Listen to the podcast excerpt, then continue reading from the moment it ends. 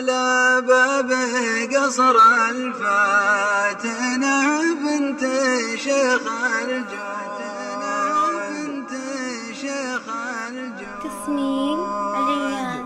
على باب قصر الفاتنة بنت شيخ الجود. توقف قدم رجلي وتمنعني الشيمة كرامة قبور فعلها عليه شهود. وحشمة رجال في حياتي لها